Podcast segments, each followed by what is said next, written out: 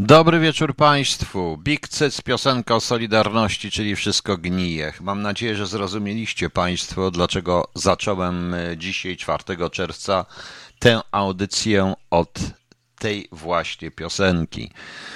E, Robotnicy polskich sztoczni, robotnicy polskich kopalni, robotnicy polskich hut, robotnicy z Ursusa, robotnicy z Cegielskiego, robotnicy z Poleny, Polfy, z innych polskich zakładów. Stańcie i świętujcie. To wasze święto. To wyście obalili ten cały interes. To wasze święto, wstańcie i świętujcie. Nie pozwólcie tej bandzie, żeby wam to zawłaszczyła. Solidarności, szanowna, i państwo rządzący Solidarnością, różnego rodzaju dorobkiewicze, będące na etatach spółek Skarbu Państwa. Wiem, że zaraz wsadzicie mnie za obrażanie narodowo, przepraszam, e, niezależnego samorządnego związku zawodowego Solidarność, który stał się partią polityczną i przytuliskiem dla wszystkich, dla wielu, dla naprawdę wielu różnych, dla nierobów, którzy są bezpieczni siedząc w swoich tych. Bronicie robotników? Bronicie? Górnicy, co z wami? Zamykają wam kopalnie, wyłączą was całkowicie. Bronicie? Co się stało?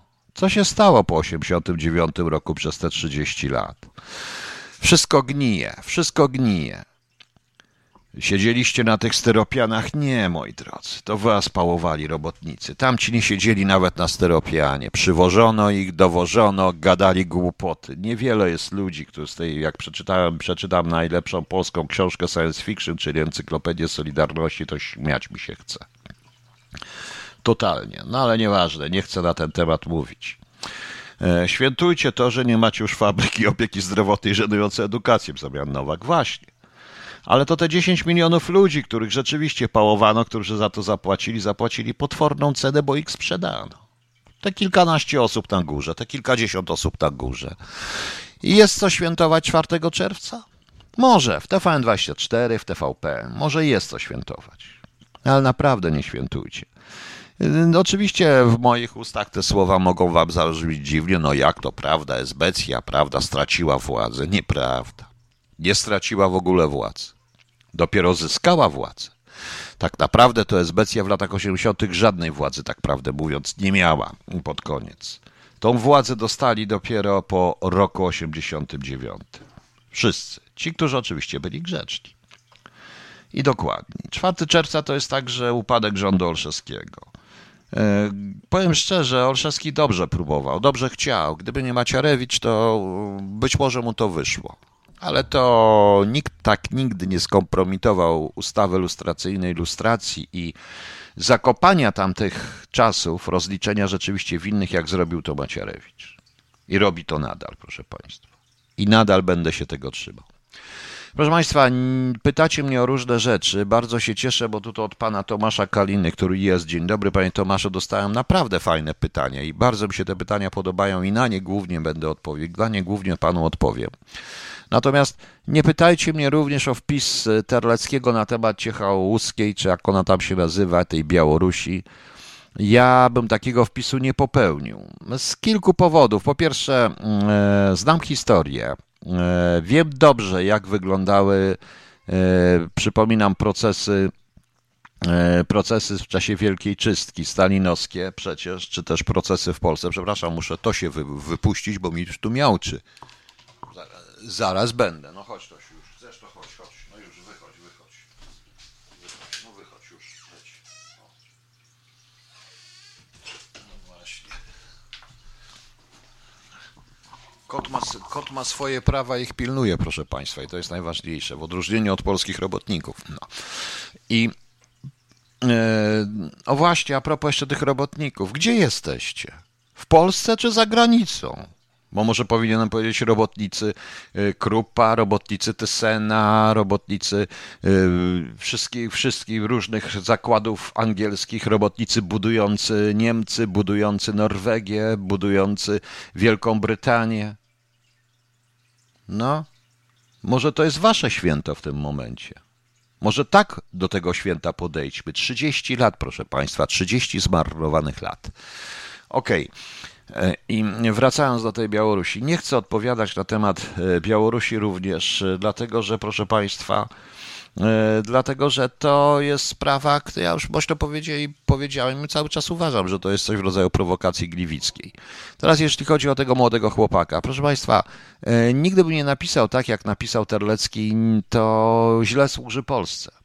Generalnie e, proszę zauważyć, że poza oficjalnymi komentarzami, które sugerują wymuszanie tego typu zeznań, E, nie ma żadnych e, komentarzy na Zachodzie. Nie jest tak jak u nas. E, najlepiej zmilczeć. Najlepiej nic nie mówić na ten temat. Oczywiście, proszę Państwa, że równie dobrze ten młody człowiek mógł zostać torturowany, zastraszony i zmuszony do tego. Przypominam procesy stalinowskie, te wszystkie samokrytyki. W Chinach te wszystkie samokrytyki. Przypominam również, że to jednak jest Rosja i czym mówimy, czy Białoruś, tam są zupełnie inne warunki, tego nikt nie sprawdzi. E, zrobiono z tego propagandę, nie wiem, zagrozili mu czym, jemu śmiercią, może śmiercią tej jego dziewczyny, o czym zresztą zaraz powiem, może śmiercią e, jakichś jego bliskich. Nie wiem. W każdym razie Rosjanie przeprowadzili niesamowitą operację, która rzeczywiście pozwala, pozwala im na e, na te wszystkie ośrodki białoruskie mocno mocno po prostu uderzyła w te ośrodki białoruskie i troszeczkę je skompromitowała, tak na dobrą sprawę, bo w większości wypadków y, i większości wypowiedzi na ten temat różnych przedstawicieli białoruskiej opozycji, ja widzę strach. Y, ja wyczuwam po prostu strach i to jest kwestia, mówimy tak, że jego załamano, bo, ale jednak w tle jest, a może rzeczywiście on był nasłany. Nie można tutaj stwierdzić jednoznacznie i tak, i nie. Ja przypuszczam, że go jednak rzeczywiście złamano, no w tym sensie, że go zastraszono, że nie miał wyjścia, powiedział to, co powiedział. Pranie mózgu, no to było z żołnierzami w Wietnamie zrobione, z żołnierzami, z żołnierzami w czasie walk w Korei. W Korei, proszę Państwa, niewielu ludzi potrafiłoby się tak, potrafiłoby się temu przeciwstawić tego typu machinie. E, oczywiście można tu dojść, bo nie podoba mi się strasznie nazwa dom w tych ich ośrodkach, ponieważ tak się składa, że e, nie będę wymieniał nas krajów, ale Rosjanie chyba mają coś w rodzaju takiej operacji dom, mm, e, tak mi się wydaje, która, która jest operacją, proszę Państwa, trzeba dodać tylko nazwę kraju, bo ja już taki jeden dom znalazłem w Polsce Okazało się, że dom jest utrzymywany przez firmę ukraińską. Ta firma ukraińska ma siedzibę w Moskwie i szkoli wszystkich pracowników, których zwerbuje w Moskwie, proszę Państwa. Tak to mniej więcej wygląda. Podobnie było, to o czym pisałem zresztą w różnego rodzaju raportach, podobnie było wcześniej, jeżeli chodzi o Gruzinów. Też był taki dom i to też było tak ciekawe, bo to byli Gruzini, ale z Moskwy po prostu. E, z jednej strony, ale to nie jest żadna sugestia. Uważam, że my nie potrafimy w ogóle prowadzić polityki zagranicznej. Jeżeli marszałek Sejmu pisze taką bzdurę, bo to jest bzdura. E, proszę zobaczyć, nikt, proszę Państwa, się nie wypowiada. On musiał walnąć idiotyzm. Szkoda mi tego chłopaka, bo prawdopodobnie go zniszczyli, go zniszczą do reszty. No może zachowa życie i chyba tylko o to w tym wszystkim chodzi. Natomiast ciekawe jest również to, że Putin się nie upomina o obywatelkę rosyjską, tą dziewczynę, obywatelkę rosyjską, co jest ewenementem. Dlatego, że Rosjanie, jak się któregokolwiek z nich od razu zamknie, nawet bandziora i tak dalej, a były takie wypadki, to powiem szczerze, że E, to powiem szczerze, że dostawali szału, interweniowali wszędzie, po to po prostu, po to tylko, żeby interweniować. To nie było tak, że oni odpuszczali, e, że oni odpuszczali, a tutaj odpuścił całkowicie, więc tutaj też bym szukał tego, co jest grane. Także tyle mogę Państwu na ten temat e, powiedzieć i nie chcę więcej mówić na ten temat, bo to jest bez sensu, nie mając pełnego spektrum, e, pełnych danych. E, mogę tylko wyłącznie spekulować, więc spekuluję, proszę Państwa, właśnie w ten sposób. Niewątpliwie jest jedno jest tylko. Jedno jest tylko w tym wszystkim pewne. Pewne jest to, że, e, że to jest udana rosyjska operacja, która znowu postawiła nas w pozycji całkowicie przegrany, bo myśmy przegrali. Białoruś, przegrali Rosję, przegrali wszystko. W ogóle zostaliśmy sami, proszę Państwa. Nie wiem, czy wiecie, bo nie wiem, czy wiecie, proszę Państwa, że dzisiaj że dzisiaj, proszę Państwa, Dania nie pozwala na budowę Baltic Pipe. Natomiast została ukończona nit, pierwsza nitka tego całego Nord Stream 2 że, proszę Państwa, Węgrzy, nasi wspaniali przyjaciele, sojusznicy Węgrzy, podpisali z Gazpromem 15-letnią umowę, nie licząc się z dobrem Europy i tak dalej, co z dywersyfikacją. E, właśnie. Właśnie, widzicie Państwo, mm, widzicie Państwo, jak to ładnie, jak to wszystko wygląda. I jesteśmy sami. I to widać również po to, widać również, proszę Państwa, że e, oni chyba wiedzą, rząd chyba wie, że jest całkowicie sam, ponieważ, e, ponieważ tak się składa, że już idzie do Turcji, czyli tonący Turcji się chwyta, Turka się chwyta, czy czego chwyta, bo to tak, tak mniej więcej wygląda. Tak mniej więcej tego wygląda. E, to wygląda. Tu pani Izabela mi przy, przypomina, pyta mnie o komentarz o wydarzeń pożarów w Iranie, rafineria, okręt wojenny, nieszczęśliwy zbieg okoliczności czy prowokacje, czy grozi to konfliktem zbrojnym na szerszą skalę, jaką pozycję mogą zająć USA, Rosja, Chiny. Pani mm, Izabelo, to nie jest przypadek. Największy okręt wojenny plus rafineria. Co tam się jeszcze dalej dzieje, to chyba tylko to jest naprawdę bardzo mocno ściśle tajne, ale to jest rozgrywka w trójkącie Amerykanie, Rosjanie, Chiny. I to nie jest uderzenie bezpośrednio w Iran. Iran płaci między innymi za wspieranie Hamasu. E, i za zaangażowanie właśnie w Hamas. E, za to zresztą zapłacił również za nieumiejętną politykę i za to wszystko zapłacił również Netanyahu, bo wbrew pozorom ta tragedia, która się stała w Izraelu, e, ta wojna z Hamasem w rezultacie w tej chwili, spowodowała upadek Netanyahu i jak widzę, tam się pojawiają, to trzeba poczekać, jak to będzie dalej partie. Bardzo ciekawe jest to, że w, to w grę wchodzi partia, która chce e, pewnej asymilacji, również chce asymilacji Palestyńczyków czy Arabów, bo nawet mają wejść przedstawiciele tych mniejszości do rządu izraelskiego, jak oni tam mówią. To, co widzieliśmy e, na, to było tylko, bo my niestety odbieraliśmy tylko arabską i proarabską propagandę. Ja mówiłem od początku, jak to wygląda jak to, jak to wygląda. Iran płaci także za. Chińczycy za, za Chiny. Chińczycy zaangażowali bardzo duże pieniądze w Iran. To efekt jest y, ograniczania Chin. Tu ma pani rację, że to, co mówili Widź Popron, rzeczywiście że zawieszono, Amerykanie wymusili zawiesili, zawieszenie ratyfikacji umowy z Chinami przez UE, ale to niestety UE, Unia Europejska i Europa trochę inaczej na to patrzy niż Stany Zjednoczone. Tu też jest kwestia Rosji jako tej właśnie wpływowej równowagi, szczególnie na Niemcy.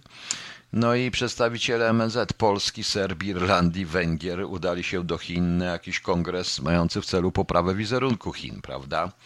Oczywiście, że Chiny to wykorzystały propagandowo, ale to jest ta polityka niemiecka, o której często mówiła Merkel, zachęcania, pomocy, e, wchodzenia w gospodarkę i zmian wtedy były, takich demokratyzacji, co do Chin w ogóle nie, nie, nie, nie podchodzi nie podchodzi. Co dalej będzie? Czy będzie z tego wojna? Nie, z tego wojny nie będzie. Nie słuchajcie tych wszystkich e, profesorów i tych innych takich. Z tego wojny jeszcze nie będzie, proszę Państwa jeszcze nie będzie. E, bo wojny, bo to jest bardzo daleko do wojny. No. A, czy Izrael nie ma takiej ustawy, której Żydzi mogą iść w Knesecie? Czy to wtedy nie przeszło? Nie, nie, nie ma. Nie narodowość, tylko obywatel państwa Izrael. Ale obywatelami państwa Izrael są również i Palestyńczycy, i, i Arabowie, więc y, to tak jak i u nas. Obywatel naszego kraju może być u nas. E, znaczy niekoniecznie musi, bo ministrem może być każdy, natomiast posłem może być i obywatel naszego kraju po prostu. E, oczywiście, panie Tomek, to my że Chiny załatwiają za dużo swoich biznesów w Europie przez Szwajcarię, szczególnie z Niemcami poza UE. Pani Izabelo, tu pani zauważyła trochę złośliwie, zadam szukamy przyjaciół w Turcji w Chinach. Tak, szukamy przyjaciół tam, bo powiedziałem, te wszystkie trójmorza, dziesięciomorza, pięcio, dwudziesto, płaskoziemcy, te wszystkie historie pod tytułem te wszystkie historie, proszę Państwa, pod, jakby to powiedzieć, no, no, te kolejne grupy wyszehradzkie, te sztuczne, te bzdury wszystkie, no niestety się nie udały, co widać po Węgrzech. Ja mówiłem o Węgrach, że to nie są nasi przyjaciele. To jest tylko, nam się tylko tak wydaje, wręcz odwrotnie. Orban jest egoistyczny, Orban jest, y, Orban y, robi, to znaczy trudno mi go potępiać, on pracuje dla dobra swojego kraju, jak uważa, ale my nie możemy na niego patrzeć jak w obrazek, to nie jest dla nas wzór, wręcz odwrotnie.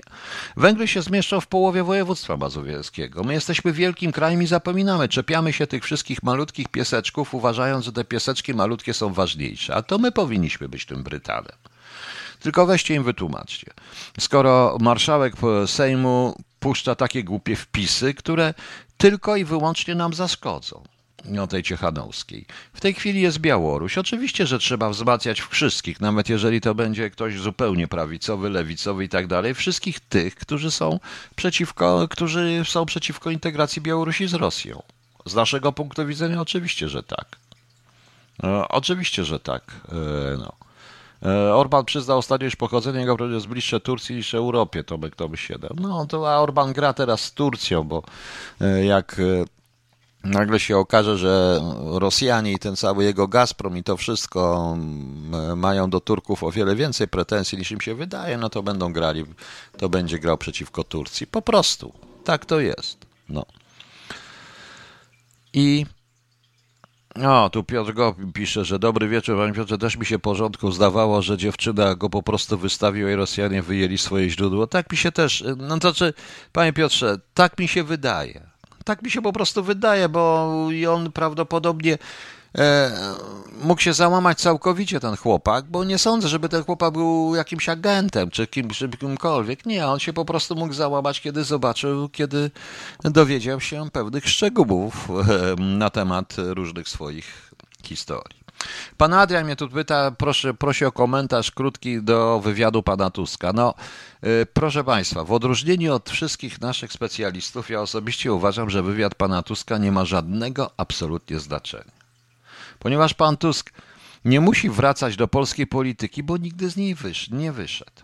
Bo jest w tej polityce i będzie cały czas w tej polityce, ponieważ pan Tusk wzmacnia PiS, a PiS wzmacnia pana Tuska. E, pan Tusk, e, czy on będzie senatorem, posłem, czy kimkolwiek, nie wiem. Pan Tusk jest łącznikiem między, powiedzmy, grupą inicjatywną ekokomunizmu, a Polską. I tak to trzeba nazwać. I cały czas był tym łącznikiem. Wróci, zastanawiają się niczym Anders na białym koniu i co zrobi? Nic. Pan Tusk już jest, y, pan Tusk cały czas jest i projekt pana, projekt, który stworzy, który pan, y, pan Tusk będzie cały czas sponsorował i to jest po prostu, to istnieje. To jest Hołownia. To są te wszystkie projekty. To jest projekt Hołownia, y, który będzie drugą siłą.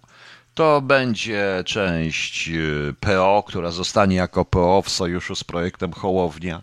W ten sposób będą chcieli przejąć, e, przejąć y, przejąć po prostu w jakiś sposób władzę nad PiSem, a PiS jeszcze więcej głupot zrobi, jeszcze więcej nie wstrzyma tego prezydenta, bo e, nie wiem, czyście widzieli ten wywiad dla jakiegoś, dla jakiejś telewizji pana prezydenta Andrzeja Benito Dudy, który z minami jak e, taki jeden Benito kiedyś opowiadał, jak trzeba być twardzielem. Jak Rambo, praktycznie jak Rambo. Brakowało mu tylko tej ilości uzbrojenia, jak było Rambo, proszę Państwa. To tylko ośmiesza.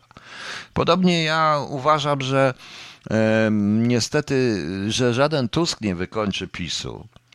Żaden e, PO, żaden Schetyna, żaden Tusk, żaden Hołownia nie wykończy PiSu. PiS się wykończy, ale sam ale sam. I Kaczyński się i Kaczyńskiego wykończą y, i y, Kaczyńskiego wykończy również wykończą, wykończy również sam PiS. Proszę Państwa, pomysł pomysł, proszę Państwa, z filmem o panu Jarosławie Kaczyńskim, który jeszcze nie powstał, jest bzdurą. jest totalną bzdurą. I sądzę, że pan Jarosław Kaczyński to, jest, to się dzieje poza nim. Więc może mu ktoś powie po prostu z tych, kto słucha, może ja wiem, że ktoś słucha, żeby po prostu zaprotestował przeciwko temu, bo to się skończy jedną wielką awanturą, porażką, porażką i ludzie będą się śmieli, tak jak się śmieją ze Smoleńska, z Macierewicza i ze wszystkich. Przykro mi, nawet byli pisowcy. To jest taki sposób, który się nazywa pozytywny, ja to nazywam pozytywnym upierdalaniem. To tak jest. Jeżeli chcemy kogoś w pracy upierdolić czy tak dalej, no to go pozytywnie go tak chwalimy, chwalimy, awansujemy na takie stanowisko, żeby się odwalił, żeby nie miał nie mógł nikt zrobić. Tak to po prostu nazywam i to się w tej chwili, i to się w tej chwili dzieje. Pan Tomasz Kalina, a jaką rolę odegra Bronisław Komorowski, który wraca do polityki? Taką samą jak Tusk. Żadnej. Żadnej. Nie muszą po prostu. Nie muszą, to są tylko i wyłącznie nazwiska, które są zgrane. E, znaczy, ja nie sądzę, żeby ten powrót do polityki wyglądał tak, że ja znowu zostaje premierem Tusk i znowu zostaje jakaś taka. Nie, to nie tak wygląda.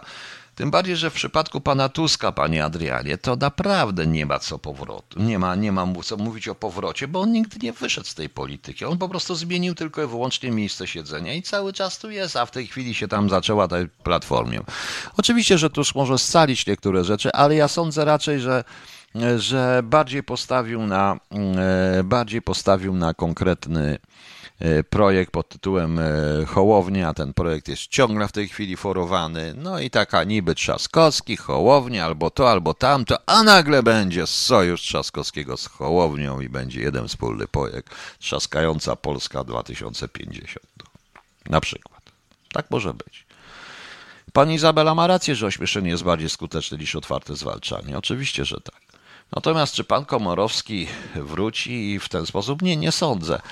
Były prezydent rzadko wraca do polityki, a jeżeli wraca do polityki, to może w taki sposób jak Kwaśniewski, no na pewno nie w taki sposób jak Wałęsa. Sądzę, że Komorowski jest na tyle. Mm, o, wiem. E, wiem, panie Witosławie, zaraz o tym powiem.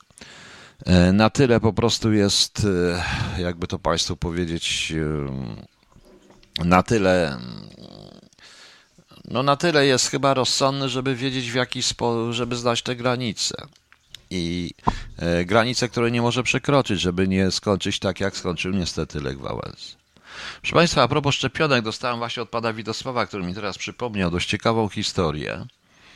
E, to, że Czołowa holenderska szczepionistka Yvette Brock odmawia szczepienia koronowego i rezygnuje z udziału w Igrzyskach Olimpijskich. Brak szczepienia skazałby ją na izolację w wiosce olimpijskiej czy podczas posiłków. Jednocześnie nie zakazywałby jej uczestnictwa podczas samej rywalizacji sportowej w treningach odprawach taktycznych. Jak sama powiedziała, oficjalnie ma wybór, ale w rzeczywistości go nie ma. Jak podkreśla ta, ta dziewczyna, chce wiedzieć, co jej wstrzyknięto do organizmu, tak samo jak chce wiedzieć, co znajduje się w kawałku ciasta urodzinowego. Mówi, że media głównego nurtu przedstawiają tylko jedną historię, że szczepionka jest dobra, że ryzyko skutków ubocznych jest niewielkie. Ona sama nie wie, co to za szczepionka, robi w dłuższej perspektywie, dlatego odmawia jej przyjęcia. Podkreśla wyraźnie, że nie jest przeciwniczką szczepień. To tak jak ja, wręcz przeciwnie. Podczas swojej kariery wielu podróży takowe przyjmowała niejednokrotnie, ale miała świadomość, że zostały gruntownie przebadane. Rozwój szczepionki koronowej przebiega dla niej zbyt szybko. Uważa, że istnieje zbyt duża niepewność do długoterminowych skutków. Jak mówi, nie chodzi o to, że nie ufam, ale też nie może poprzeć w 100%. I bardzo ciekawe, bardzo, bardzo się, mm, że mm, E, szczepionkowy terror trwa, a chodzi o to, że Yvette Broch nie tylko została wyekspodiowana w tej chwili ze świata sportu, ale również skategoryzowana do kategorii podczłowieka, proszę Państwa. Mniej więcej tak to w mediach i w ocenach. Gdyby więcej sławnych sportowców zrobiło w ten sposób, to Igrzyska Olimpijskie by się nie odbyły po prostu. By się, by się nie odbyły. Także warto, warto popatrzeć, że są również i takie po prostu że są, że, że takie właśnie się robią, takie rzeczy też są. Tutaj jeszcze zaczyna się rzeczywiście, bo to pani Dorota i pani Audrey Dell też mi przypomniała dość ciekawych, e, dość ciekawą sprawę, ponieważ e, chodzi o to, że zaczyna, by, zaczyna być takie teksty, restrykcje dla niezaszczepionych. E, I chodzi o to, że szczepieni, jest taka już propaganda, że szczepieni zagrażają niezaszczepionym, ponieważ u szczepionych, zaszczepionych coś się dzieje w ślinie, czy w ogóle jakieś tu cuda, super naukowe bzdury po prostu do tego wszystkiego. I i już zaczyna się tworzyć propaganda, że e, to, żeby, że nie za, w stosunku do niezaszczepionych, bo to zaszczepieni im zagrażają. Odwrotnie niż szczepionka, bo po to, że jak mówiłem, jak się szczepiłem na gruźlicę, odrę, na te wszystkie rzeczy, to nie zagrażałem nieszczepionym. I, za, I nieszczepieni mnie, a tymczasem okazuje się, że jako zaszczepiony będę zagrażał, czyli w końcu co, po co oni mnie szczepią? Po co oni mi szczepią, proszę Państwa? No, nie wiem. No więc widzicie, to są ciekawe, mm, to są właśnie ciekawe mm, historie tego typu. Eee, tutaj mnie jeszcze pani Odrej pyta, jak to jest z tym bezpieczeństwem energetycznym i ekonomicznym. No więc właśnie już powiedziałem, nie ma u nas u nas myśmy w tej chwili zostali sami i myśmy przegrali. Jeśli Dania nie chce, jeśli Dania nie chce, proszę Państwa, w tej chwili protestuje przeciwko budowie tego Baltic Pipe, a jednocześnie godzi się dokładnie na Nord Stream 2 i inne historie, no to będziemy mieli Nord Stream 2. Węgry podpisują umowę z Gazpromem. Niemcy, jak wiemy, to jak to Niemcy. Nasze, nasza energetyka się niszczy poniszczy się kopalnie i teraz się i, i dobija się polskie górnictwo. Buduje się za to kopalnie w Niemczech, w związku z czym my będziemy kupować energię za kupę pieniędzy od jednej albo od drugiej strony. Od ruskich albo od Niemców. Nie jesteśmy i nie będziemy niezależni energetycznie. Przez 30 lat pracowaliśmy nad tym. Ja naprawdę sprawdziłbym bardzo mocno jednego człowieka, który się tym wszystkim zajmuje, no ale nieważne. Nieważne. E, widocznie chcą. Izolować zaszczepionych. No tak, panie Leszku, izolować zaszczepionych. Nie. To nie zaszczepionych dla ich dobra się będzie izolować. Izolować. Przygotowane, przygotowywane są również, proszę państwa, niestety. E, przygotowane są również niestety, proszę państwa, e, różnego rodzaju e, sposoby na między innymi na szczepienie dzieci, czyli, mm, czyli proszę państwa, czyli różnego rodzaju ustawy prawne, gdzie, które powodują, że jak nie zaszczepisz dziecko, to dziecko ci zostanie zabrane. O to, o to w tym wszystkim chodzi. E, proszę Państwa, Ryszard, słuchasz, czytasz? Tu pan Erwin Michalec e, prosi o saksonowe wykonanie e, Bacha, Tokaty i Fugi i The Devil's Trail Tartiniego. Jeżeli chodzi o Bacha, to mamy, ale krótkie wykonanie, bo Ryszard, nagrałeś mi tylko fugę, a tam dalej jest cała ta tokata, całość tego aby ci się udało na saksofonie, świetnie było, tym bardziej, że tam jest takie przejście, które kilkaset lat e, później chętnie wykorzystywał Yes i bardzo wiele zespołów rockowych, bo rzeczywiście w Fudze jest takie przejście niesamowite. E, także, e, także jak będziesz miał chwilkę czasu, to nagraj mi, co? Całą to katę i fugę Jana Sebastiana Bacha. To jest utwór zdany, ale zdany, prawda? No właśnie, tutaj pan Zimon, ja to miałem podjąć tą szczypiornickę, panie Witosławie. Problem polega na tym, że to rzeczywiście jest wyraźny głos ze świata sportu, bo patrząc na naszych piłkarzy i gdyby oni wszyscy odmówili, no ale to powiedziałem, tylnymi drzwiami się godzą. Za pieniądze, jak wiemy, no już nie będę mówił takiego e, brzydkiego mm, jednego słowa. Okej, okay, proszę państwa, dobrze, to przejdźmy jeszcze do paru innych rzeczy fajniejszych po prostu.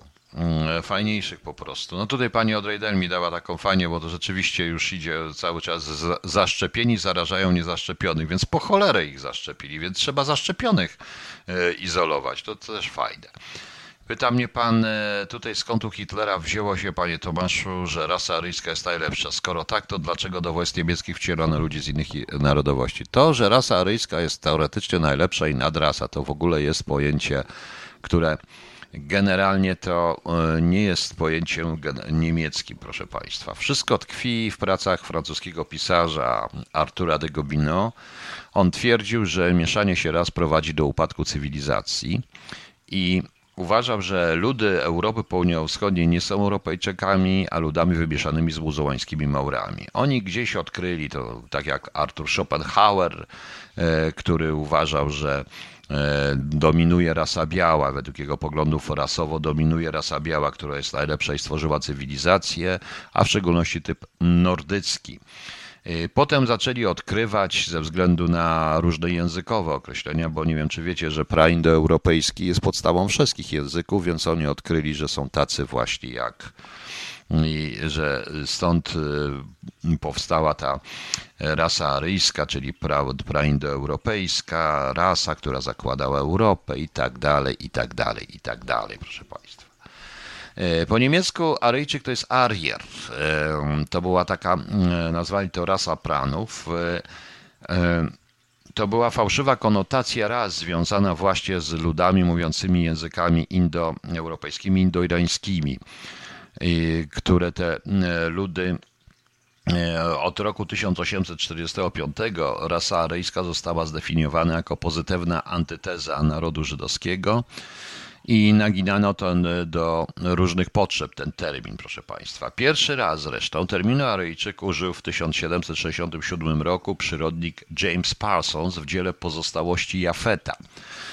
E, On napisał taką książkę o badaniach historycznych na temat pochodzenia języków, to każdy językoznawca powinien to wiedzieć. I on odkrył pewne podobieństwa języków europejskich do niektórych azjatyckich. E, Nie tyle azjatyckich, co właśnie mm, tutaj trochę mm, krócej jest z Wikipedii, więc ja trochę z Wikipedii korzystam, ale głównie, jak pamiętam, zresztą to e, polskie W na przykład i W w europejskie powstało z praindoeuropejskiego B, z tej głoski takiej wybuchowej B, to już by to było dalej, więc to są pewne różnice. E, mm, różnice. E, Według Parsonsa e, językiem tym, tych prawdziwych Aryjczyków miał się e, tym wspólnym prajęzykiem miał się posługiwać Jafet, młodszy syn Noego, który dał początek ludom aryjskim, w odróżnieniu od od najstarszego syna Sema, który był ojcem ludów semickich, tak twierdzi Biblia. Później powtórzył to Gobino, który napisał szkicę o nierówności las ludzkich i on zmierzał do uznania Aryjczyków jako rasy nadludzi. Był jeszcze taki, co się nazywał Friedrich Schlegel i dowodził, że nazwa Aryjczyk pochodzi od terminu, który w sanskrycie oznacza szlachetny, dostojny i powiązał go z niemieckim słowem ere, honor. Gobino twierdził, że w żyłach Germanów płynie aryjska krew i że pozostali rasą czystą, z fizycznym e, podobieństwem do swoich przodków. E, I mm, to znaczy on tam, oni tam stworzyli tę typologię całej tej rasy, dopiero później badania rasowe Instytutu Rasy w e, Instytutu Rasy w czasach Rzeszy Hitlerowskiej stworzyły te klasyfikacje e, klasyfikację, ale oni już to stworzyli, ten blondyn o niebieskich oczach, wysoki, niezmieszany z ludami azjatyckimi, tak jak na przykład Słowianie i cała reszta, proszę Państwa. I cała reszta. E, e, Był jeszcze taki, który e, Guido von List e, z Towarzystwa Thule, e, zresztą, że który usiłował w 902 roku dowieść e, boskiego pochodzenia Aryjczyków, twierdząc, że słowo niemieckie Arier powstało w oparciu o rdzenie Ar, słońce, Ni, płodzić i Er, ludzie. Po podjęciu tego tematu przez antropologów e, Lista i, Le- i Lanza von Lieberfelda e, teoria ryskości przesunęła się do rozważań naukowych w stronę mitu. No to jest, proszę Państwa, taka jakby podkładka. Ale Było jeszcze coś takiego jak Towarzystwo Tule. E, Towarzystwo Tule to była taka tarna organizacja, ona powstała w Monachium w końcowej fazie I wojny światowej. Nazwa pochodzi od takiej mitycznej wyspy Tule, która dla starożytnych Greków była najbardziej na północ wysuniętym lądem. Tutaj można znaleźć te różnego rodzaju, jak zwykle w tego typu towarzystwach i teoriach, różnych rzeczach. Mamy od Atlantydy, bo tam też była teoria Atlantydy, poprzez jakichś kopniętych kosmitów, dodać do tego jeszcze jakichś nadludzi, poprzez te wszystkie Asgardy, połączenie, nałożenie w ogóle mitologii germańskiej, to co jest u Wagnera notabene, gdzie jest nałożenie mitologii germańskiej, usiłowanie dopasowania mitologii germańskiej, tej starogermańskiej do chrześcijaństwa. To samo było w tym towarzystwie Tule. I ono powstało z tak zwanej grupy folkistowskiej i tak zwanych e, Germanenorden i założone zostało przez Luderfa von Seber, Sebotendorfa, któremu podczas wojny światowej Związek Wszechniemiecki służył jako e, takie centrum do pewnych nacjonalistycznych agitacji. E, Towarzystwo Tule zorganizowane na wzór róż, e, róż maszońskich. Dlaczego mówię po prostu, że o Towarzystwu Tule. Towarzystwie Tule, proszę Państwa, był innymi Rudolf Hess, było, oni poparli Hitlera i poparli w ogóle NSDAP i oni w ogóle poparli jako będąc przeciwnikami tej tak zwanej Bawarskiej Republiki Rad i partii komunistycznej, i komunistów, poparli i praktycznie tam część z nich założyła DAF. DAF. Notabene Towarzystwo Tule wydawało, wydawało Volkischer, to jak to się nazywało? To się nie nazywało Volkischer Babachter wtedy, bo jak nie wiem, jak NSDAP kupiło Volkischer Babachter, tą, tą, to czasopismo, to zmienili to, zmienili to na, na Volkischer Babachter dopiero. I tam była po prostu rozwijana teoria, z połączeniem również takiej teorii Artamanów, tych wszystkich teorii takich lingwistycznych. Rozwijała nam była teoria tak zwanego Folkisch, tego po niemiecku, czyli teoria narodu, wielkiego narodu, narodu, który wszystkich ma nauczyć własnego po prostu że każdy, znaczy, że ten naród wie, jak powinien wyglądać świat, on właściwie tworzy świat i tak dalej, i tak dalej. Naród jest najważniejszy, naród jest najwyższy rasowo, to jest jedna rasa po prostu, czyli te niemieckie i to byli Niemcy. Aryjczycy, Nordycy, bo Nordycy byli najbardziej aryjscy z Aryjczyków. Trochę to przypominało notabene, oni oparli się na Nietzsche, bo o jego teoriach na człowieka, tylko że Nietzsche pisze o Słowianach, żeby było śmiesznie. Oczywiście był w tym i Schopenhauer, byli ci wszyscy ludzie, po prostu.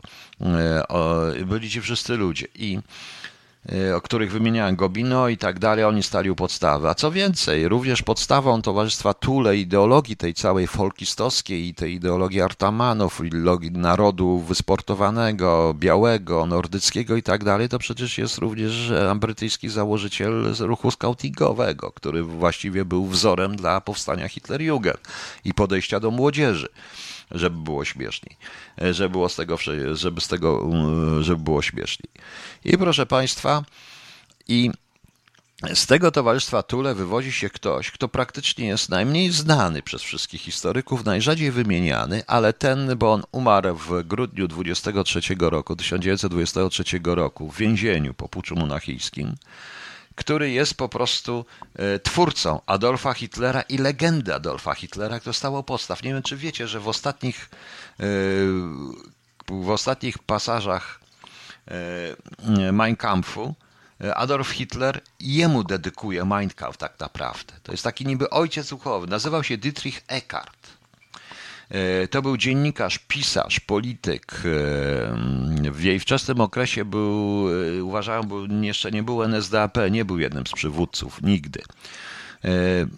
Był po prostu człon, był członkiem Towarzystwa Tule. Tłumaczył Pergynta Henryka Ibsena na język niemiecki. Również ten Pergynt jako pewna taka nordycka pozostałość pokazująca tą wspaniałość rasy walki z tym, z tym nieważne. On wydawał taki antysemicki tygodnik od 18 roku Auf Gut Deutsch i był i umie, umożliwił również przejęcie Hitlerowi właśnie Volkischer Babachter i był redaktorem naczelnym tej gazety w 21-23. Dietrich Eckart, proszę Państwa, napisał książkę. Napisał książkę, którą uważał, w której uważał, że Niemcy mogą zostać odrodzone tylko przez pojawienie się nordyckiego, aryjskiego Mesjasza. I takim nordyckim, aryjskim Mesjaszem jest Adolf Hitler. On zakładając razem z Drexlerem, Antonim Drexlerem DAP, czyli niemiecką partię robotniczą, później wspólnie z Rosenbergiem, z Rosenbergier przemiano, pomógł Hitlerowi przemianować ją na NSDAP właśnie z Alfredem Rosenbergiem, napisał po prostu szereg książek, takich właśnie trafiających do Niemców, którzy przegrywali wojnę. On zresztą uważał, że ten cały żydowski spisek i spisek jest i spisek innych ludności niż ludność aryjska, czyli ta typowa nordycka ludność aryjska, jest, proszę Państwa, powodem przegrania tej wojny i tragedii Niemiec i Niemcy, żeby zbawić Niemcy, musi być Mesjasz. Tak jak we wszystkich tych to stowarzyszeniach, tych wszystkich mistykach, nakłada się idealnie nakłada się chrześcijaństwo, zostaje dopasowywane do aktualnej potrzeby, interpretowane do, aktu, do potrzeb czysto politycznych. Rozwinął ten ruch Folkisz, rozwinął to wszystko. Dietrich Eckart był przy okazji mm, alkoholikiem dodatkowo i on zmarł na zawał serca 26 grudnia 1923 23 e, roku. E, naziści twierdzili, że śmierć była skutkiem złego traktowania w więzieniu, ale tak nieprawda. On był po prostu alkoholikiem. No. E, notabene nie wiem, czy wiecie, że w roku 1937 w Ośnie Lubuskim zbudowano na czesie Karta kamienną wieżę widokową nazwaną wieżą Ekarta, Ekartum. E, kiedy Ośle Lubuskie do Polski zostało włączone, urzędowa, nazwa urzędowa tego obiektu nadal jest, e, pozostaje taka sama, wieża Ekarta po prostu. Eckhart jest najmniej opisanym tak naprawdę twórców, propagatorów i twórców nazizmu, bo wszyscy wiemy oczywiście Himmler, Göring, e, Himmler, Göring, Goebbels, prawda, Hess e, i cała reszta, to są główni, prawda? To wszyscy o nich wiemy. Natomiast e, Eckhart jest tak jakby duchowym, ideologicznym. Co Hitler z tego wziął? Nic. De facto Hitler, proszę Państwa, Adolf Hitler, że było najśmieszniejsze w tym wszystkim, był bardzo cynicznym, e, bardzo cynicznym człowiekiem, autentycznie bardzo cynicznym człowiekiem i był e, i on nie wierzył w te cuda. Powiem szczerze, że Himmler, który był, miał chyba największą bibliotekę różnego rodzaju, e, taką bibliotekę pozwiązaną z okultyzmem. On kazał ściągać i jeździły specjalne oddziały, specjalni przedstawiciele SD i SS ściągające z całej Europy różne takie księgi dotyczące czarów, procesów o czary, cuda, jakieś historie i tak dalej. Chciał stworzyć ten zakon SS. E, I Goebbels nawet podaje w swoich pamiętnikach stosunek Hitlera do Himmlera. On cały czas to jest zabawa, ale dopóki to jest użyteczne, będziemy to tolerować. Po prostu. To jest, e, proszę Państwa, e, bo Hitler uważał, że to są wszystko bzdury. On uznał, że to jest użyteczne, bo to może opętać masy. I opętały masy. Jeżeli to połączymy jeszcze z Wagnerem i z całym tym na przykład tym sztandarem krwi, gdzie jak wiadomo Hitler patrząc się hipnotycznie w oczy, z tym sztandarem, który w czasie puczu monachijskiego został tam e, obalony, jak oni szli po tym, tam ten co trzymał go zginął i tak dalej i on chrzcił jakby wszystkie e, wszystkie te, wszystkie mm, e, sztandary dalej SS, czy te hitlerowskie, czy SA. Proszę Państwa, to był cyrk. To był totalny cyrk.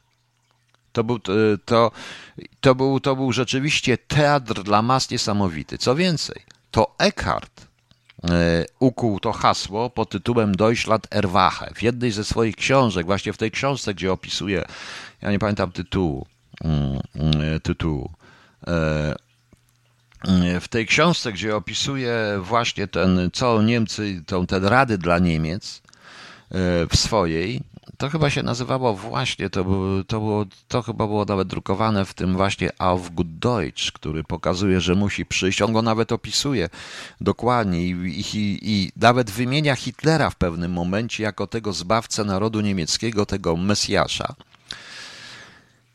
I on tej w książce również mówi, że on tej w książce również porównuje to z chrześcijaństwem. E, napisał również Eckhart, e, tam pojawia się Niemcy przebudźcie się, czyli te słynne Deutschland Erwache. To hasło używane później przez Hitlera. E, przez Hitlera i to stało się refrenem hymnu, hymnu SA przecież Deutsche Erwache. Właśnie. On uważał, że wzorem dla ruchu nazistowskiego Erhard był Jezus sprzeciwiał się, ponieważ Jezus sprzeciwiał się nurtom pogańskim, on się sprzeciwiał nurtom pogańskim i antyczhrześcijańskim Ekha. I, e, I proszę Państwa, e, nie wiem, czy wiecie, że 24 punkt programu NSDAP, jestem czy ktoś czytał program NSDAP, jest programem dotyczącym chrześcijaństwa, które, w którym w tym punkcie jest wyraźnie pokazane, że jest to na wzór stworzony, stworzony ten wzór i że właśnie Nordycy, czyli Aryjczycy, nam dokładnie właśnie tam Führer, to są, to są wcielenia, wcielenia Jezusa. On napisał jeszcze taką śmieszną książkę, w 24 roku, ona już po jego śmierci się ukazała, e, taka broszura Bolszewizm od Mojżesza do Lenina, moja rozmowa z Hitlerem, w której ogłosił, że komunizm jest żydowskim spiskiem, a Mojżesz był starożytnym odpowiednikiem Lenina. E, I notabene e, w mowach Hitlera, jak to ktoś kiedyś przebada, w mowach, w mowach Hitlera, z tej broszury Bolszewizm od Mojżesza do Lenina, tam są cytowane żywcem. Hitler żywcem cytuje właśnie tezy zawarte przez Eckharta w tej książce. E, Dietrich Eckart e, niestety, proszę Państwa, e, nie ma opracowania większego na temat Dietricha Eckarta, a szkoda, dlatego że to, żeby zrozumieć to wszystko, cały ten idiotyzm i inżynierię społeczną, proszę Państwa, to warto by jednak to warto by jednak e, Eckharta to pomyśleć o Eckharcie. E, nie byłoby tego nazizmu bez Eckharta. Tak Eckhart pisał także o bezimiennym żołnierzu. Nie byłoby tego, nie byłoby tego całego nazizmu i tak dalej właśnie bez, właśnie bez Eckharta, proszę Państwa. Bardzo ciekawy, bardzo ciekawy to jest ten problem, co Państwo tutaj mi zadał Pan Tomasz Kalina, dlatego że E, dlatego że e, Później oni zaczęli oczywiście to rozwijać. Powstały te typologie, te sześć, sześć klas A, A1, A2, A3, B i klasy podludzi, klasy yy, włosy, te wszystkie historie, budowa ciała i tak dalej. To już dorabiano, ale dorabiano do tego, co napisał Eckhart. Eckhart w jednej ze swoich artykułów i o nadczłowieku w ogóle, on zebrał to wszystko, co mówił Gobin. No, niektórzy ci wszyscy różni tacy, mm, różni tacy pseudolingwiści. No i to zebrał w jedno, tworząc człowieka aryjskiego, czyli Nordyka. I teraz pyta mnie pan, dlaczego wiedząc, że Hitler, kiedy wiedzy, dlaczego oni byli przyjmowani, dlaczego mm, również cudzoziemców? Proszę państwa, e, panie Tomaszu, dlaczego cudzoziemców do innych narodowości wcielono do wojsk niemieckich? Przede wszystkim to oni stworzyli, te, te, tutaj się nakłada ta Folkisz, oni stworzyli teorię narodu niemieckiego. E, generalnie. I uznali niektóre ludy ze względu na podobieństwa językowe czy na gwarę, tam gdzie miały wpływy niemieckie, jak na przykład oczywiście Śląsk, e, tak jak oni uważali Mazury, uznali za obywateli niemieckich, więc wcielali. Poza tym Hitler był pragmatykiem, bo naprawdę Hitler E, Hitler zabronił na przykład Himmlerowi wydawania pieniędzy na poszukiwanie grala czy jakichś innych rzeczy. Oni robili te wykopaliska w Norwegii na przykład, robili, bo SS robiło wykopaliska, a w końcu Hitler im kazał wracać i zająć się prawdziwymi rzeczami, normalnymi rzeczami po prostu. E, po prostu. Hitler był pragmatykiem. I z tego całego e, ekspansji narodu niemieckiego, tak jak on to nazywa, czyli tej folkisz, ekspansji wolkisz i ekspansji aryjsko-nordyckiej, on uznał, że część narodów, e, szczególnie ta zachodnia, to jest nordycka, część jest do nordyzacji czy aryizacji, jak oni to nazywali, ale przede wszystkim e, ma być wspólna jedna wielka trzecia Rzesza. Jedna wielka Europa, w której główną rolę będą pełniły Niemcy jako e, ten naród wybrany. Jako ten naród, który jest tym narodem najwyższym. Reszta to podludzie, albo ci, którzy są trochę niżsi rasowo, ale tej samej rasy. O, o dziwo, e, ze względu na te brytyjskie konotacje w całym tym ruchu aryjskim z wieku XIX i te wszystkie prace, e, Hitler cały czas uważał anglosasów za e, taki sam równouprawniony naród wybrany, naród nordycki, tylko że oczywiście zmanierowany i zniszczony i skażony przez Żydów. No, to są dokładne słowa Eckharta notabene, żeby było śmieszniej, proszę Państwa. No, więc e, widzicie, e, więc widzicie Państwo. Tak, tutaj Pan ma rację, Panie Filipie. SS było swoistą legią cudzoziemską, ale SS miało być tą formacją. Proszę nie mylić SS z Allgemeine SS i z Waffen SS. E, to są trzy różne rzeczy. SS w swojej formie to jest organizacja zbrodnicza policyjna, która stworzyła własne wojska Waffen-SS, do którego mógł należeć każdy. Nie było nawet każdy, kto został za. E, tam byli również i Litwini, Ukraińcy, tylko Polaków nie było, ale to również dlatego, że Polacy nie chcieli, chociaż SS prowadziło wśród Polaków werbunek. i werbunek do swoich wojsk, po prostu.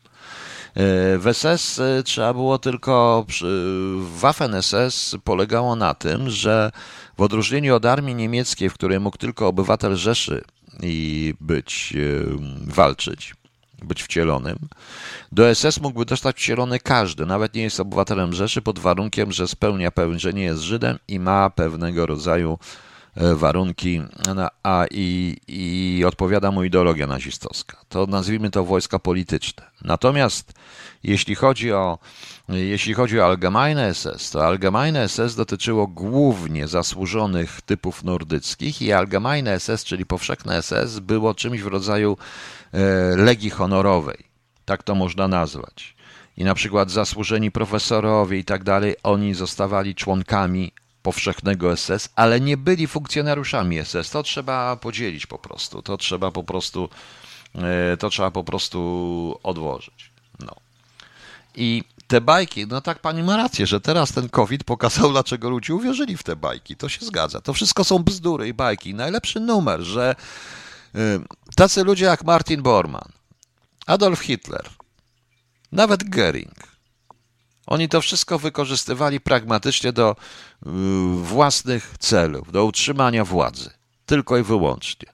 Oczywiście Hess był tym rzeczywiście skażony, on patrzy w Hitlera jak Mesjasza i to było widać nawet w jego przesłuchaniach w Wielkiej Brytanii, jak uciekł do Wielkiej Brytanii. Himmler miał yy, kompleksy i pierdolca też na tym punkcie. Goebbels też był pragmatyczny i używał tego jako wspaniałej propagandy. I o to chodziło po prostu. I o to chodziło. I teraz pyta mnie się pan dalej, dlaczego Hiszpania nie wzięła udziału w II wojnie światowej. I to jest najciekawsze.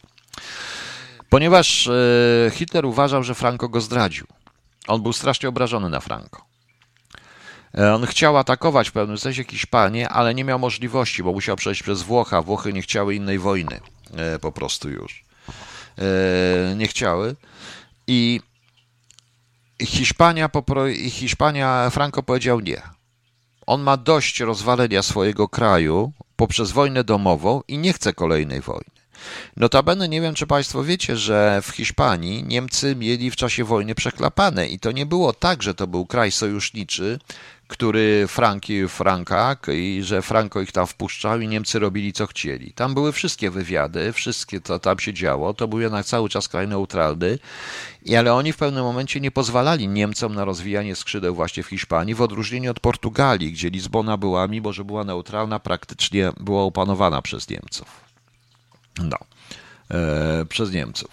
I, ty, I to jest ten powód, że Franco twierdził, że Hiszpanii nie stać na kolejną wojnę i na awantury niemieckie. On chce zostać neutralny, czym strasznie rozczarował Hitlera. E, nawet Goebbels pisze, że Hitler chciał w pewnym momencie e, spotkać się z Franco i tak dalej. Franco nie chciał się spotkać i odmówił po prostu. I odmówił po prostu.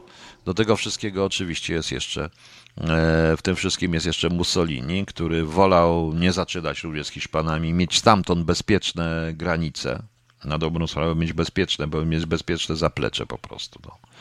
Coś w tym stylu, tak, tak to się działo. No ciekawe to jest, nie. Ciekawe to jest, proszę Państwa. Okej, okay, to może y, tutaj mnie zaraz, bo pan jeszcze mnie o coś pytał. Dlaczego Niemcy jako pierwszą zaatakowali Polskę? Nie jako pierwszą. Byli się pan. Zbrojnie zaatakowali. Polska jako pierwsza została stworzona, została, e, został opór. E, został, proszę państwa, to mm, postawiła opór. Pierwsza była oczywiście Austria, potem była Czechosłowacja, tak trzeba patrzeć. Dlaczego? Panie e, Tomaszu, to jest bardzo proste. Ponieważ Hitler dobrze wiedział, jego wywiad dobrze wiedział, że nikt nie będzie umierał za Gdańsk, a że przesunięcie się Niemców na wschód y, dla rządów Europy Zachodniej zostanie to potraktowane mimo wszystko jako pewnego rodzaju kordon przeciwko Rosjanom. E, niestety, e, jeden z niewielu, niewielu Amerykanów na przykład, e, bo generalnie dopóki nie było Churchilla, zarówno Anglicy, Francuzi, to twierdzili, no tak, no to odsuwamy Stalina o 200, to znaczy przesuwamy się bliżej Stalina o 200 kilometrów. Tak mniej więcej mówiono. A tymczasem było kilku generałów, którzy twierdzili, nie, to Stalin przesunął się o 200 kilometrów bliżej nas, co potem się okazało być prawdą.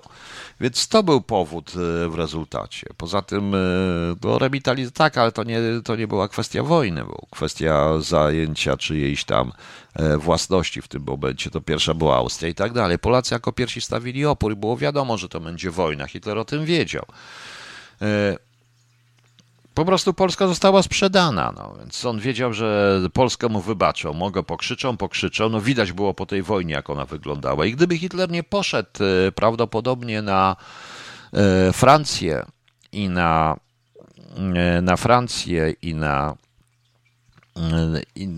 na Francję i dalej, oczywiście na Europę Zachodnią, w drugą stronę, gdyby nie poszedł w roku 40, prawdopodobnie Polski by już nie było i by prędzej czy później oni by się dogadali i podpisali po prostu pakt jakiś, pokój, pakt.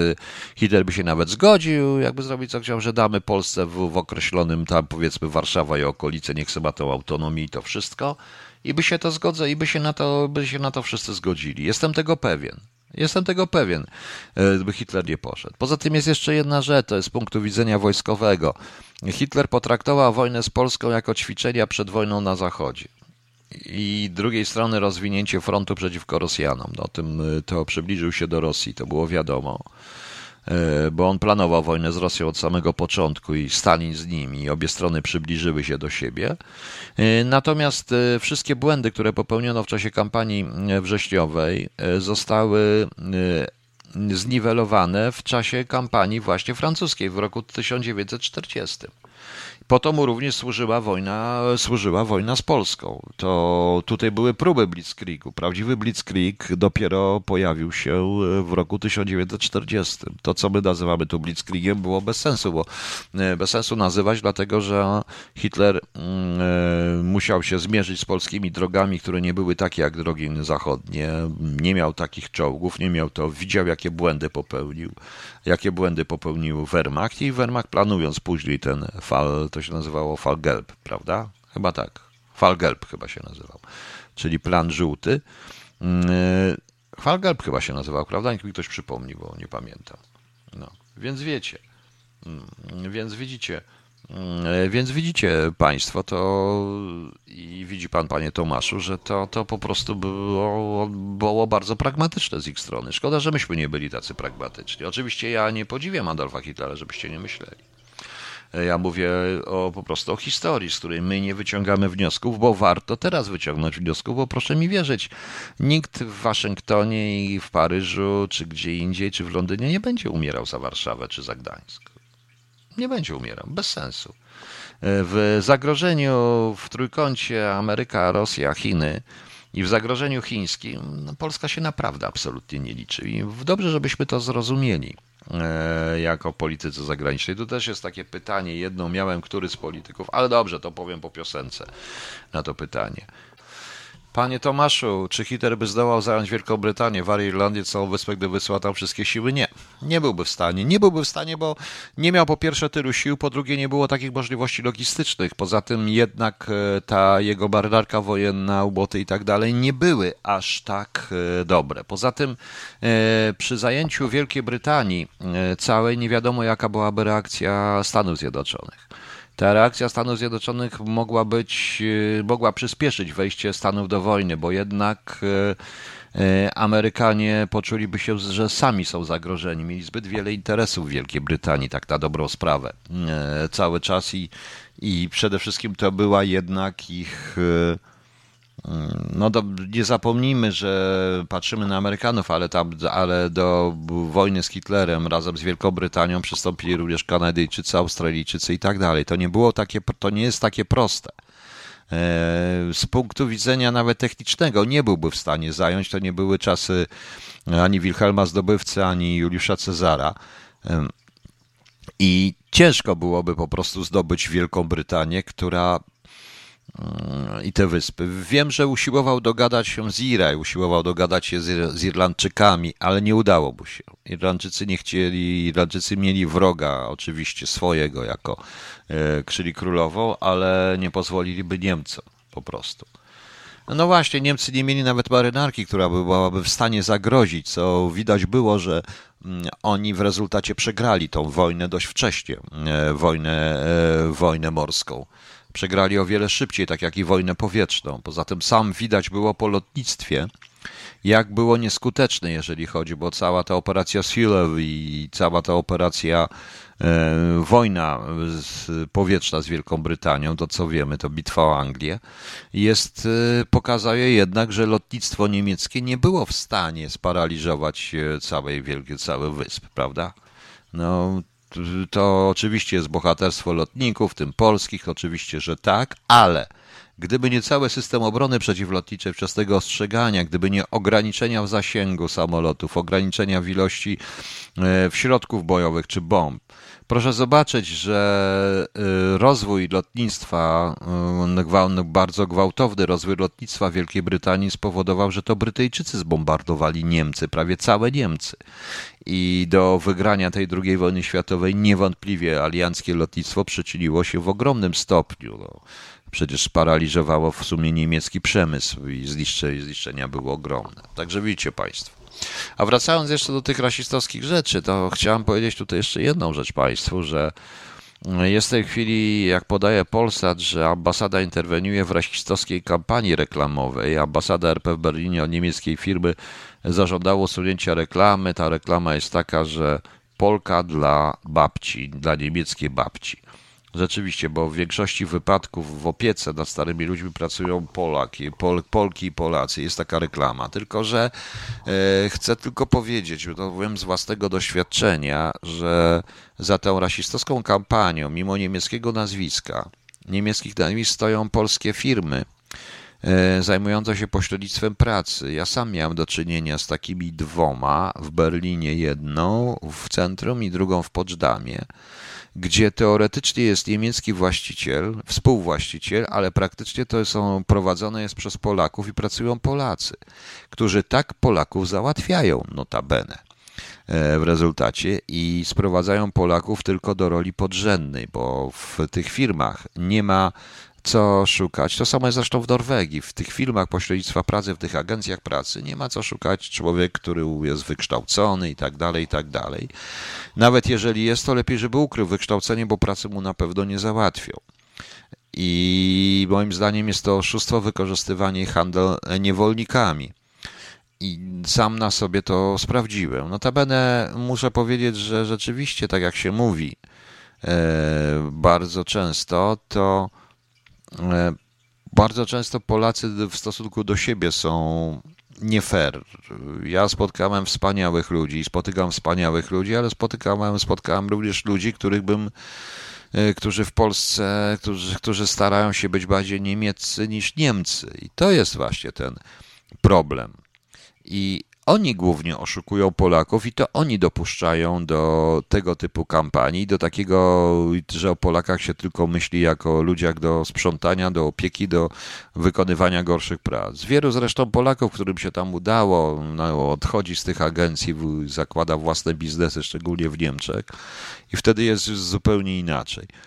E, natomiast tutaj mnie ktoś pytał jeszcze, który z polskich ministrów był zagranicznych był najlepsza, który najgorszy. E, dobry był Skubiszewski na samym początku, załatwił bardzo konkretny. Simoszewicz był dość dobrym ministrem. E, natomiast jeśli chodzi o tych ministrów spraw zagranicznych PiSu czy PO, to oni po prostu nie istnieją. Oni nie istnieli, bo PO i PiS to samo. Oni po prostu wykonywali to, co chce władza, a przede wszystkim wykonywali to, co chce Zachód czy Bruksela. Tak to się dzieje. To widać po naszej polityce wschodniej, że której praktycznie nie mamy. Niestety u nas e, e, politykiem, u nas e, politykiem, proszę Państwa, u nas nie ma ministrów spraw zagranicznych, u nas są politycy. I to jest największy błąd, ponieważ polityka zagraniczna Polski zależy da, w danej chwili od, od tego, jaki polityk rządzi w danej chwili. No, sami widzicie, jak to, e, proszę Państwa, wygląda. Okej, okay, ja jeszcze tylko wpiszę. Nie wiem, co jutro, może jutro jest sobota, to może jutro się umówimy na leśmiana, co? Chcecie? To jutro się umówimy na Leśmiana dłuższego. Ja poczytam trochę wierszy Leśmiana, pogadamy sobie o, o różnych rzeczach. Dobrze? I jutro, bo jutro jest sobota, kolejny dzień weekendu, więc nie wszyscy będą a, a chcieli być. Ja jutro mamy imieniny w Bonifacy, Waleria, Walter, Dobrociek, Doroteusz, Ferdynand, Genadiusz, Hildebrand, Hildebranda, Igor, Jakub, Nikador, Nikanora, Zenajda. Cała masa tutaj jest jeszcze tych różnych świąt, bezsensownych zresztą. Na przykład Międzynarodowy Dzień Walki z Nielegalnym, nie, Nieraportowanym i Nieuregulowanym Połową Ryb. Czyli jeżeli ktoś zaraportuje połów ryb, to już jest legalny i, i uregulowany. Bez sensu troszeczkę. Bez sensu troszeczkę. W obecnej polityce PiS nie ma. Nie ma polityki zagranicznej finansowej. Rząd, rząd rządzi dzieli. Nie, nie, raczej nie Morawiecki. Morawiecki też jest. To sobie jutro, proszę Państwa, poczytamy troszeczkę Leśmiana. Ja Państwu dziękuję. Coś musimy na koniec puścić ciekawego. O dobrze, puścimy karuzelę Tilow na koniec. Także do jutra, jutro sobie po Walter Świerczewski. Nie, nie, Walter to był jego pseudonim od pistoletu Walter. Tak to tak mówiono. Pamiętam taką książkę. Kto to napisał tą książkę? Janina Broniewska chyba napisała tą książkę o człowieku, który się kulą nie kłaniał. To kiedyś był w szkole podstawowej w latach 60. To była lektura w szkole i to było właśnie o generale Świerczewskim Walterze. O człowieku, który się kulą nie kłaniał. Ktoś pamięta autorkę? Chyba Janina Broniewska, jak pamiętam. Albo mi się coś pomyliło też, bo to wiele, wiele lat temu pamiętam taką zieloną okładkę i zdjęcie generała w okopach w okopach, to chyba było okopach Hiszpanii chyba nawet, czy coś takiego. Strasznie fajne to było. Takie śmieszne, proszę Państwa. No tak było, no. Co zrobić? Okay, dobranoc Państwu. Do jutra. Tilaf i karuzela. A jutro zapraszam na Ryśmianak Budni.